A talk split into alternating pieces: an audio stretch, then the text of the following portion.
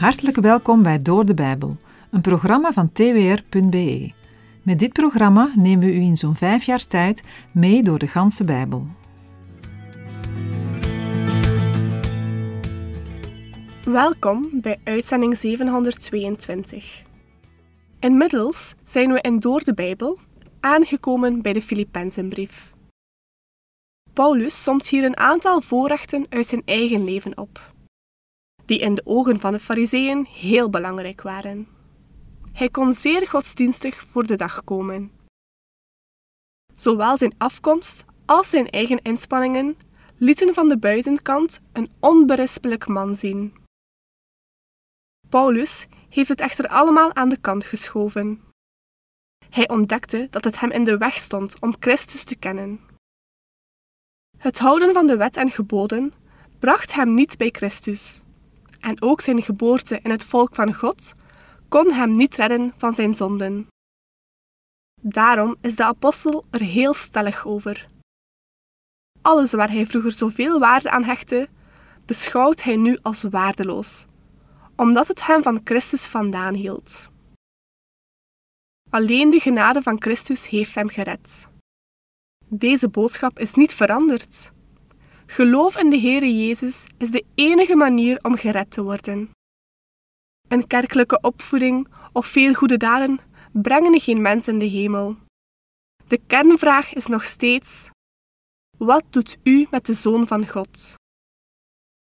Nu Paulus eenmaal weet wat de Heer Jezus voor hem heeft gedaan, is het enige wat er echt toe doet Jezus beter leren kennen. Alles wat hem daarvan afhoudt, gooit hij weg als vuilnis. Dat kan heel drastisch klinken, maar wie de Heere kent, zal dat begrijpen.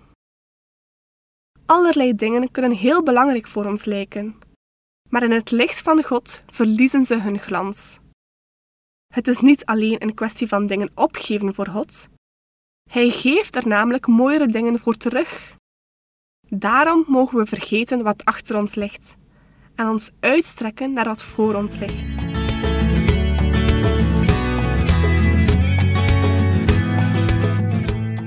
In de vorige uitzending hebben we gezien dat Paulus het voorbeeld van een loopwedstrijd gebruikt om zijn volharding en doel aan te geven. Voor we verder gaan met Filippenzen 3, vers 15, wil ik hier nog even bij stilstaan. Als een atleet die naar de finish loopt, wil Paulus de prijs behalen die in de hemel voor hem klaar ligt. Paulus' doel is Christus te kennen en uiteindelijk zijn verheerlijkte leven te ontvangen. Paulus gebruikt vaker voorbeelden uit de competitiesport, vaak om de gelovigen tot volharding en waakzaamheid op te roepen. Een voorbeeld vinden we in 1 Korinthe 9, versen 24 tot en met 27. Daar staat: Weet u niet dat zij die in de renbaan lopen, allen wel lopen, maar dat slechts één de prijs ontvangt? Loop dan zo dat u die verkrijgt. En iedereen die aan een wedstrijd deelneemt, beheerst zich in alles. Zij nu doen dat om een vergankelijke krans te ontvangen, maar wij om een onvergankelijke te ontvangen. Ik loop daarom niet zonder duidelijk doel en ik vecht zo met de vuist dat ik niet maar wat in de lucht sla. Maar ik oefen mijn lichaam op harde wijze en maak het dienstbaar, opdat ik niet misschien, na anderen gepredikt te hebben, zelf verwerpelijk word. Alle lopers willen winnen en willen de prijs behalen die voor de winnaar klaar ligt. Na de wedstrijd wordt de winnaar door de scheidsrechter naar boven op de tribune geroepen om de erekrans in ontvangst te nemen. Paulus is er zeker van dat in de hemel een gelijkaardige prijs voor hem klaar ligt. De Heere zal daar zijn dienstknecht belonen. In 2 Timotheus 4, versen 7 en 8 schrijft hij: Ik heb de goede strijd gestreden. Ik heb de loop tot een einde gebracht. Ik heb het geloof behouden. Verder is voor mij weggelegd de krans van de rechtvaardigheid die de Heere, de rechtvaardige rechter, mij op die dag geven zal. En niet alleen mij, maar ook allen die zijn verschijning hebben liefgehad. Hoewel er bij een gewone sportwedstrijd maar één winnaar is, zullen bij de wedloop van het geloof alle gelovigen een krans ontvangen. De krans is de volmaakte gerechtigheid, die de gelovigen zullen ontvangen op de dag van de wederkomst van Christus. In Jacobus 1, vers 12 staat: Zalig is de man die verzoeking verdraagt. Want als hij beproefd gebleken is, zal hij de kroon van het leven ontvangen, die de Heere beloofd heeft aan hen die hem liefhebben. Ook in Openbaring 2 lezen we over volharding en de prijs die in de hemel klaar ligt voor de gelovigen. Daar zegt de Heere Jezus in vers 10: Wees niet bevreesd voor wat u lijden zult. Zie, De duivel zal sommigen van u in de gevangenis werpen, opdat u verzocht wordt. En u zult een verdrukking hebben van tien dagen. Wees trouw tot in de dood, en ik zal u de kroon van het leven geven. Op vele plaatsen in de Bijbel komt de erekrans en kroon van het eeuwige leven en de hemelse heerlijkheid die wacht aan de orde. In 1 Petrus 5, versen 3 en 4 is aan de leiders in de christelijke gemeente het volgende gericht. En als de opperherder verschijnt, dan zult u de onverwelkbare krans van de heerlijkheid verkrijgen. In Romeinen 8, versen 19 tot en met 25 staat: Met rijkhalzend verlangen immers verwacht de schepping het openbaar worden van de kinderen van God. Want de schepping is aan de zinloosheid onderworpen. Niet vrijwillig, maar door hem die haar daaraan onderworpen heeft. In de hoop dat ook de schepping zelf zal bevrijd worden van de slavernij van het verderf, om te komen tot de vrijheid van de heerlijkheid van de kinderen van God. Want wij weten dat heel de schepping gezamenlijk zucht en gezamenlijk in barensnood verkeert tot nu toe. En dat niet alleen, maar ook wij zelf, die de eerstelingen van de geest hebben. Ook wij zelf zuchten in onszelf, in de verwachting van de aanneming tot kinderen, namelijk de verlossing van ons lichaam. Want in de hoop zijn wij zalig geworden. Hoop nu die gezien wordt, is geen hoop. Immers, wat iemand ziet, waarom zou hij dat nog hopen? Maar als wij hopen wat wij niet zien, dan verwachten wij hem met volharding. De erekrans of kroon is de beloning die volgt op een rechtvaardig en oprecht leven. Dat wil zeggen een leven met Christus, maar niet meteen, want het verheerlijkte leven, het zoonschap Gods, de bruiloft van het Lam, komt pas op de dag van Christus verschijning en wederkomst. Op die dag zal de Heere zelf optreden als rechtvaardige rechter. In 2 Korinthe 5 vers 10 lezen we: Want wij moeten allen voor de rechterstoel van Christus openbaar worden, opdat ieder vergelding ontvangt voor wat hij door middel van zijn lichaam gedaan heeft. Het zij goed, het zij kwaad. Jacobus 5 vers 9 vult daar nog op aan: Zucht niet tegen elkaar, broeders, opdat u niet veroordeeld wordt. Zie, de rechter staat voor de deur. Een van de kenmerken van gelovigen is dat zij vol verwachting mogen uitzien naar de dag van de Heer Jezus Christus. In Titus 2, versen 11 tot en met 13 staat: Want de zaligmakende genade van God is verschenen aan alle mensen en leert ons de goddeloosheid en de wereldse begeerten te verloochenen en in deze tegenwoordige wereld bezonnen, rechtvaardig en godvruchtig te leven, terwijl wij verwachten de zalige hoop en verschijning van de heerlijkheid van de grote God en onze zaligmaker Jezus Christus. Filippenzen 3, vers 15. Laten wij dan, voor zover wij geestelijk volwassen zijn, deze gezindheid hebben. En als u iets anders gezind bent, ook dat zal God u openbaren. Paulus roept op om dezelfde ingesteldheid te hebben als hij. Toch is het voor de meesten moeilijk om echt alles prijs te geven en zich volledig op dat ene doel te richten. Er zijn gelukkig wel gelovigen bij wie je ziet dat alles in hun leven om Christus draait. Dat zijn de geestelijk volwassenen. Paulus sluit zichzelf daarbij in want hij gebruikt het woord wij. Het zijn zij die in de christelijke ervaring zo ver gekomen zijn dat er niets interessanter is voor hen dan alleen de uitnemendheid van de kennis van Christus Jezus. Hoeveel mooie dingen er ook op aarde zijn, voor hen valt alles in het niet bij de schoonheid van Jezus. Sommige mensen zullen het extreem of te fanatiek of te radicaal noemen. Maar een christen die op deze wijze gegroeid is, zal gekenmerkt worden door een daarbij passende gezindheid. Dezelfde gezindheid van Paulus, de gezindheid van Christus zelf, want ook hij had slechts één doel: de verheerlijking van zijn Vader. Maar blijkbaar werd er door sommige Filippenzen anders over dit onderwerp gedacht.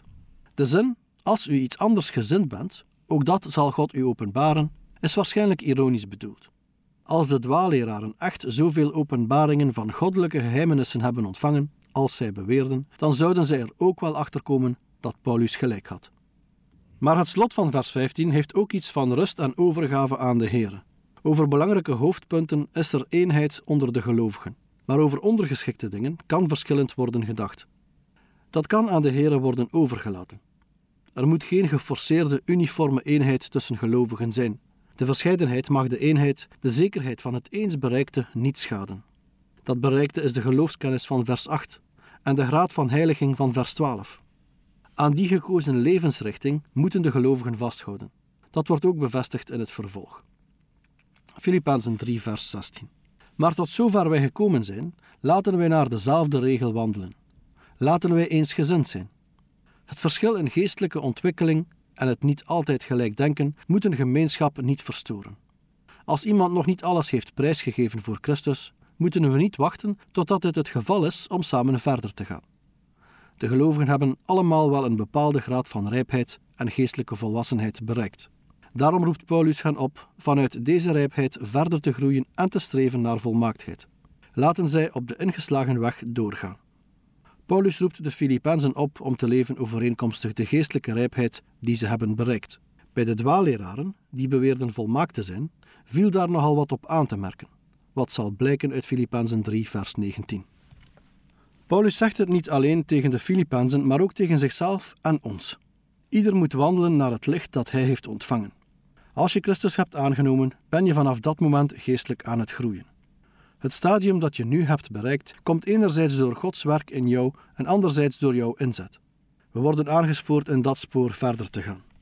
We moeten niet in ons eentje verder trekken. We mogen dat samen doen met anderen die ook Christus hebben leren kennen en voor Hem alleen willen leven. Filippenzen 3, vers 17. Wees met elkaar mijn navolgers, broeders, en houd het oog gericht op hen die zo wandelen, zoals u ons tot een voorbeeld hebt. Door het woord broeders te gebruiken, richt Paulus zich nu uitdrukkelijk tot de gemeenteleden. In de versen 17 tot en met 21 gaat de apostel benadrukken dat de gelovigen wel hier op aarde leven, maar burgers zijn van een rijk in de hemelen. Paulus roept hen op om zijn voorbeeld na te volgen. Dat kan worden uitgelegd als een aansporing om samen met Paulus Christus na te volgen, zoals we dat ook gelezen hebben in 1 Korinthe 11 vers 1. Daar staat: Wees navolgers van mij, zoals ik navolger van Christus ben. Maar het kan ook een hernieuwde oproep zijn om als gemeente samen eensgezind het voorbeeld van Paulus te volgen.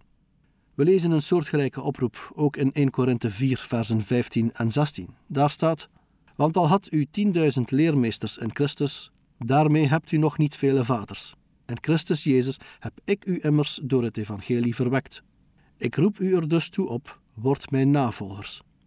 Als Paulus zichzelf of zijn medewerkers als voorbeeld stelt, heeft dat meestal betrekking op een levenswandel van nederigheid, zelfverloochening en heiligheid. Vooral in een juiste levenswandel moeten zij Christus navolgen.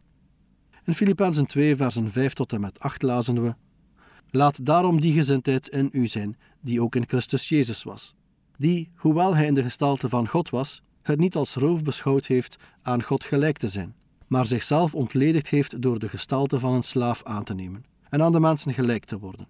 En in gedaante als een mens bevonden, heeft hij zichzelf vernederd en is gehoorzaam geworden tot de dood, ja, tot de kruisdood. Een goed voorbeeld is goud waard. Het is een zegen als je mensen kent die voorleven wat de Bijbel van ons vraagt. Zo stelt Paulus zichzelf tot voorbeeld. Dat is geen hoogmoed, want hij zelf volgt Christus na. Die is zijn voorbeeld. Helaas zijn er niet altijd veel van zulke voorbeelden. Ik denk dat velen dat zullen beamen, maar beseffen we voldoende dat wij op onze beurt ook weer een voorbeeld voor anderen zijn? Kunnen anderen ons navolgen omdat ze in ons leven zien dat het allemaal om Christus gaat? Filippenzen 3, vers 18. Want velen, ik heb dikwijls met u over hen gesproken en zeg het nu ook onder tranen, wandelen als vijanden van het kruis van Christus. Paulus heeft het over velen, wie bedoelt hij hiermee? We kunnen onder andere nog steeds denken aan de Joodse dwaalleraren, die meenden dat zij door hun besnijdenis en het zich strikt houden aan de Joodse wetten de volmaaktheid al hadden bereikt. Als het inderdaad mogelijk zou zijn om door een besnijdenis en het zich strikt houden aan de Joodse wetten rechtvaardig voor God te worden, dan was het verzoenend lijden en sterven van Jezus Christus overbodig geweest. Daarmee is iedereen die het werk van Christus elimineert of afwijst, een vijand van het kruis van Christus. Maar Paulus spreekt waarschijnlijk ook zowel de joods-gnostische dwaalleraren aan, die leerden dat er alleen een geestelijke opstanding was en dat zij volmaakt waren en het lichaam niet belangrijk was, als ook die mensen die zich van God nog gebod iets aantrokken. Uit ieders genoemde levenswandel blijkt dat zij vijanden van het kruis van Christus zijn. Men kan vijand van het kruis zijn op verschillende manieren.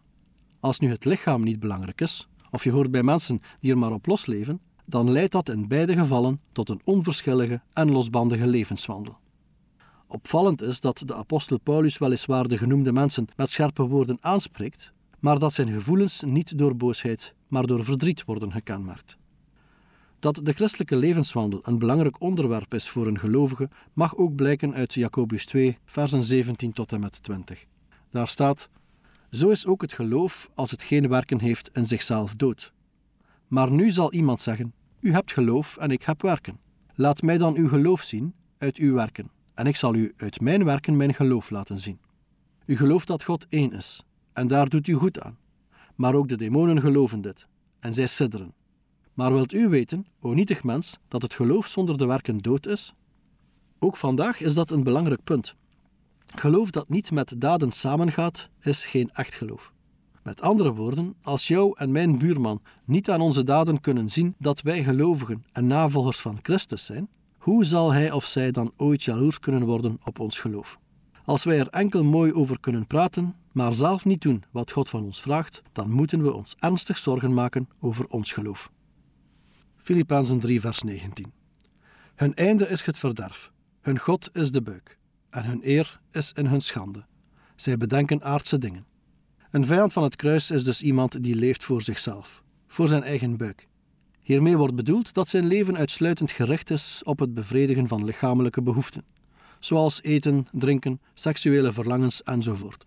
We moeten daarbij niet per se denken aan zondige zaken, maar aan de aandacht die die zaken krijgen, aan een zich helemaal overgeven aan dingen die door God gegeven zijn.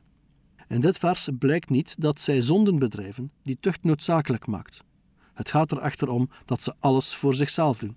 Ze stellen die aardse dingen op de eerste plaats. Het gaat in hun leven niet om Christus. Hun denken is vol van eigen welzijn op aarde. Al hun inspanningen zijn erop gericht het leven op aarde zo lang en aangenaam mogelijk te maken. Zo'n levensinstelling is weliswaar te verwachten bij een burger van de aarde, maar niet bij een burger van de hemel. Want als iemand Christus heeft leren kennen, dan is hij of zij een vreemdeling op aarde geworden. Dan is het echte thuis in de hemel. Maar daarover hebben we het in de volgende uitzending. U heeft geluisterd naar Door de Bijbel, een programma waarin we in vijf jaar tijd de ganse Bijbel bespreken. De basis voor het programma is de Bijbelstudiereeks van Dr. Vernon McGee, Through the Bible. Het werk van Dr. McGee werd reeds in meer dan 100 talen bewerkt. Door de Bijbel is de Vlaamse versie. Meer info over Through the Bible en andere bewerkingen vindt u op www.ttb.org. Bovendien is bij de productie van het programma dankbaar gebruik gemaakt van de studiebijbel van het Centrum voor Bijbelonderzoek. De studiebijbel online werd gebruikt voor research en wordt ook met toestemming regelmatig geciteerd. Meer informatie vindt u op www.studiebijbel.nl. Wij raden een abonnement op de Studiebijbel-app aan, als u nog dieper op de Bijbel wilt ingaan. U kan elke werkdag naar een nieuwe uitzending luisteren en u kan ook steeds voorbije uitzendingen opnieuw beluisteren of downloaden. Als u wilt reageren op deze uitzending of u heeft vragen, dan kunt u uiteraard contact met ons opnemen. U kan een e-mail sturen naar doordebijbel.twr.be. Verder kan u op onze site terecht www.twr.be voor meer info en het beluisteren van onze overige programma's. Dit programma werd gepresenteerd door Patrick Couchement en Anne Notenboom. Wij danken u voor het luisteren en graag tot een volgende keer.